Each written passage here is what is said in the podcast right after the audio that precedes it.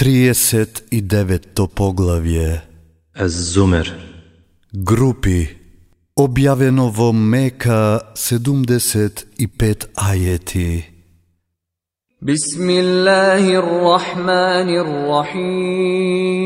Во името на Аллах, смилосниот, милостивиот. Објавувањето на книгата е од Аллах, Силниот и Мудриот. Ние на вистина ти ја објавуваме книгата со вистина, затоа само Аллах обожувај го искрено исповедајки му ја верата. Искреното практикување на верата е долг кон Аллах, а на тие што покрај него земаат други за заштитници, ние ги обожуваме само за да не приближат што поблиску до Аллах, Аллах ним на вистина ќе им пресуди за тоа за кое што тие не се согласува. Аллах нема да го упати на вистинскиот пат тој што е лажливец и неверник. Да сакаше Аллах да има дете, ке го избереше меѓу тие што ги создал, тој што тој би сакал. Возвишен е тој, тој е Аллах, единиот и семокниот. Небесата и земјата мудро и со цел ги создаде. Тој со ноќта го завиткува денот и со денот ја завиткува ноќта. Тој сонцето и месечината ги подчини, секој се движи до рокот одреден. Ете, тој е силниот и тој многу простува. Тој од еден човек ве создава, а од него сопругата негова ја создаде, и тој ви даде осум видови добиток. Тој ве создава во утробите на мајките ваши, давајки ви облици еден по друг во три темнини. Тоа ви е ете Аллах, Господарот ваш, Негова е власта, нема друг Бог освен Него, па тогаш каде се одметнувате? Ако вие нема да верувате, па Аллах не зависи од вас, но тој не е задоволен со неверувањето на своите робови. А ако бидете благодарни, тој со тоа ќе биде задоволен. А ни една душа нема да ги носи гревовите на другата. Потоа кај својот господар ке се вратите, па тој ке ве извести за тоа што го работевте. На вистина, тој знае што се крие во срцата. Кога човекот неволја ке го снајде, на господарот свој му се моли, нему му се обраќа, а потоа, откако Аллах милоста своја ке му ја дарува, го заборава тој на кого му се молел и други нему за еднакви му припишува, за од патот негов да застранува. Кажи, уживај одредено време во неверството свое, ке бидеш сигурно жител на огнот. Зарем таквиот е како тој што во ноќните часови времето во молитва го минува, паѓајќи со лицето на тло и стоејќи, стравувајќи од оној свет и надевајќи се на милоста од Господарот свој. Кажи, зарем се исти тие што знаат и тие што не знаат? Само тие што имаат ум примаат поука. Кажи, О робови мои кои верувате, плашете се од Господарот свој. Тие што на овој свет ке прават добри дела ги чека награда, а Аллаховата земја е пространа. Само тие кои што ќе бидат стрпливи, ќе бидат без сметка наградени. Кажи, Мене ми се наредува Аллах да го обожувам искрено исповедајки му ја верата и ми се наредува да бидам први од муслиман. Кажи, јас се плашам од страдањето на големиот ден ако му бидам непослушен на Господарот свој. Кажи, само Аллах го обожувам искрено исповедајки му ја верата своја, а вие покрај него обожувајте кого сакате. Кажи, губитници се на вистина тие што на судниот ден ке се изгубат и себе си и семејствата своји. Ете, тоа е очигледен губиток. Над нив ке има слоеви од оган, а и под нив слоеви. Со тоа Аллах ги застрашува робовите своји. О, робови мои, плашете се од мене за тие што го избегнуваат обожувањето на идолите и кои на Аллах му се обраќаат, за нив се наменети радосните вести, затоа израдувај ги робовите мои кои го слушаат говорот и го следат на јубавото во него. Ним Аллах на вистинскиот пат им укажа и тие се паметни. Зарем тој што ја заслужил казната, зарем него да го спасиш од огнот? А тие што од Господарот свој се плашат ги очекуваат одај се едни над други изградени, пред кои реки ке течат, ветување е Аллахово, а Аллах ветувањето нема да го прекарши. Зарем не гледаш дека Аллах од небото спушта дошт, па во извори во земјата го разделува, а потоа со помош на него разнобојни растенија изведува, потоа тие се сушат и ти ги гледаш пожолтени и на крајот ги крши. Тоа е навистина поука за тие што се паметни. Зарем е ист тој чие што срце Аллах го сторил наклонето кон исламот, па тој го следи светлото на Господарот свој, или тој чие што срце се стврднало? Тешко на тие чии што срца се нечувствителни при спомнувањето на Аллах, тие се во очигледна заблуда. Аллах го објавува на јубавиот говор, книга слична по смисла, чии што поуки се повторуваат. Од неја ги поминуваат морници тие што се плашат од Господарот свој, а потоа кога ќе се спомне Аллаховото име, кожите нивни и срцата нивни им се смируваат. Тоа е Аллаховото упатство со кое тој упатува кого сака, а тој кого Аллах на погрешен пат ќе го насочи, за него нема упатувач. Зареме ист тој што на судниот ден со лицето свое ќе се засолнува од страшното страдање со тој што е сигурен он него. Трпете го тоа што го заслуживте, ќе им се рече на насилниците.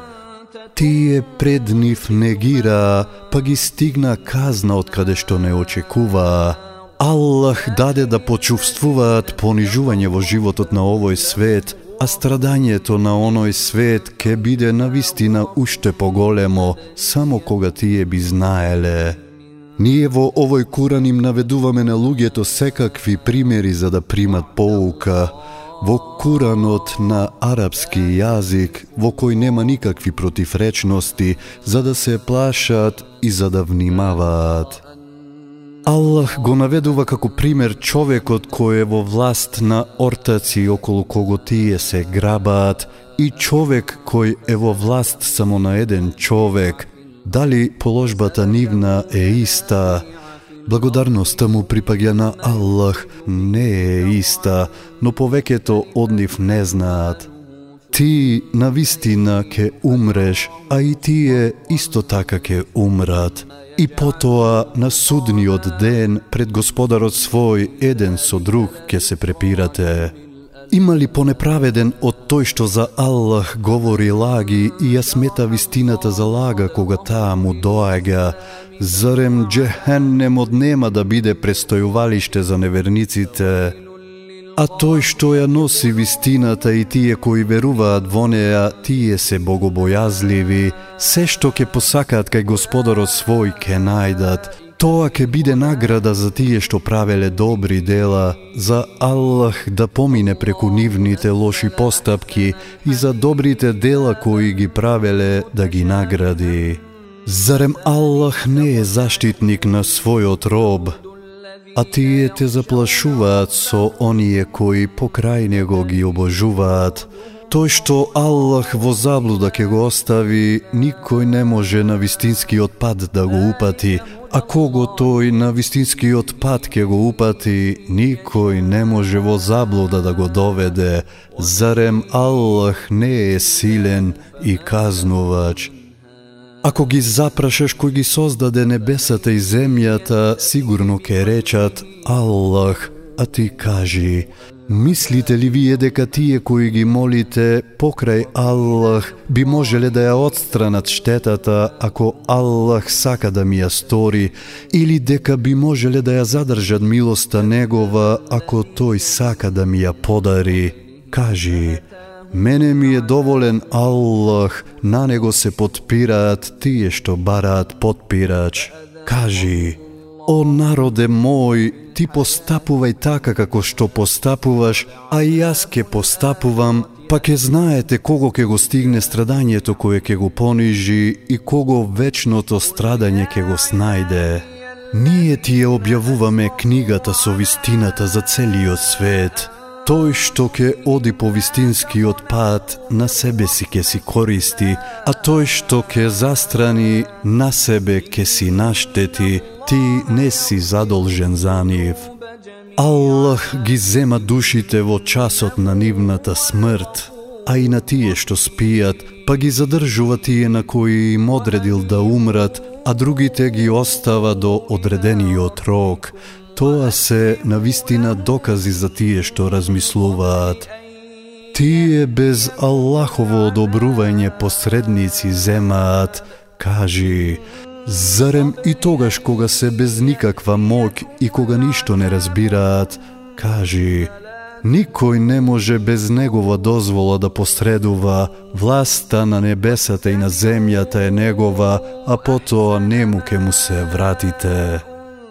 Кога Аллах ке се спомне, се грозат срцата на тие што не веруваат во оној свет, а кога ке се спомнат оние кои тие покрај него ги обожуваат, одеднаш радост ги обзема. Кажи, Аллаху, Создателу на небесата и на земјата, Ти кој го знаеш невидливиот и видливиот свет, ти на робовите своји ке им пресудиш за тоа зашто не се согласува.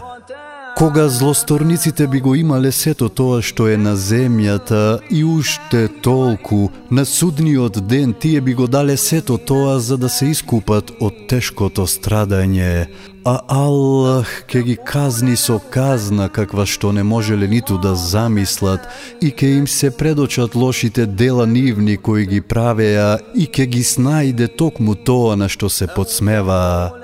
Кога човек од некаква неволја ќе го снајде, нам ни се моли, а кога ние потоа благодат ќе му пружиме, тогаш вели, ова ми е дадено затоа што тоа го заслужив, а не е така, тоа е само искушение, но повеќето од нив не знаат. Така говореа и тие пред нив, па не им користеше тоа што го беа стекнале и ги стигна казна за тоа што го правеа.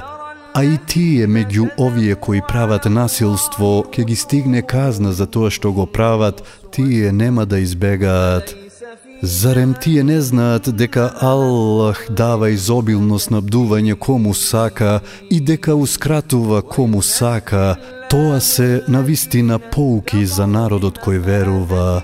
Кажи, О, робови мои, кои кон себе си во гревовите претерувавте, не губете надеж во Аллаховата милост. Аллах сигурно сите гревови ке ви ги прости, Тој на вистина многу простува и тој е милостив. И вратете му се на Господарот свој и покорете му се пред казната да ви дојде, потоа никој нема да може на помош да ви дојде. И следете го тоа на љубавото, тоа што Господарот ваш ви го објавува, пред ненадејно казната да ви дојде, за чие доаѓање нема да знаете за човекот да не извика Тешко мене, колку самодолжности кон Аллах пропуштив, дури и се исмејував. Или да не рече, да ме упатеше Аллах на вистинскиот пат, сигурно ќе се сочував од неговата казна. Или да не каже кога ќе го доживее страдањето, само кога би можел да се вратам, добри дела би правел. Никогаш. Доаѓа моите знаци, па ги негираше и се вообрази, и неверник беше. На судниот ден ке ги видиш тие кои за Аллах лаги говореа со поцрнети лица, а зарем джехеннемот нема да биде престојувалиште на горделивите. Аллах ке ги спаси тие кои неговите наредби ги извршува, а од неговите забрани се чува, поради нивниот успех злото нема да може да ги допира и тие нема да тагуваат. Аллах е создател на се и тој управува со се, кај него се клучевите на небесата и земјата. А тие што не веруваат во Аллаховите докази, тие ќе бидат страдалници. Кажи, зарем од мене барате да обожувам некој друг, освен Аллах, о незналци, а тебе и на тие пред тебе им било објавено, ако други на Аллах зарамни му припишуваш, твоите дела сигурно ке пропаднат, а ти изгубен ке бидеш. Туку само Аллах обожувај го и биди благодарен. Тие не го величаа Аллах така како што треба да го величаат, а целата земја на судниот ден во неговата рака ке биде, а небесата во неговата десница стуткани ке останат. Славен нека е тој и високо над тие што зарамни му ги припишуваат. И во рогот ке се дувне и ке умрат тие на небесата и тие на земјата, ке останат само тие кои Аллах ке ги одбере, Потоа во рогот повторпат ќе се дувне и тие одеднаш ќе станат и ќе чекаат. И земјата од светлината на Господарот свој ќе засјае и книгата ќе се постави, веровесниците и сведоците ќе бидат донесени и по правдата на сите ќе им се пресуди, никому нема неправда да му се направи, Секој ќе го добие тоа што го заслужил, бидејќи тој добро знае кој што правел. Тие што не веруваа во групи во Джехеннем ќе бидат натерани и кога до него ќе дојдат, портите негови ќе се отворат и чуварите негови ќе ги запрашаат. Зарем не ви дојдоа вашите пратеници, кои аетите од Господарот ваш ви ги кажува и ве опоменуваа дека овој свој ден ке го доживеете? Да, дојдоа, ке речат тие, но се покажаа вистините зборовите за казната на неверниците и ке биде кажано – Влегувајте низ джехенемските порти, вечно во нив ке престојувате. Грозно ли е тоа престојувалиште за тие што беа вообразени? А тие што од Господарот свој се плашеа во поворки кон дженнетот ке бидат поведени и кога до него ке стигнат, а портите негови веќе ширум отворени, неговите чувари ке им кажат Мир со вас, Од гревови сте чисти, затоа влезете во него, во него вечно ке престојувате. Тие ке кажат, му благодариме на Аллах кој ветувањето свое кон нас го исполни и во дженнетот место ни подари, да се населиме во него каде што сакаме. Прекрасни ли се наградите за тие што се труделе, И ќе ги видиш мелеците како аршот го окружуваат, величајки и фалејки го господарот свој, и на сите по правдата ќе им се пресуди и ќе се рече, благодарноста му припаѓа на Аллах, господарот на световите. الحمد لله رب العالمين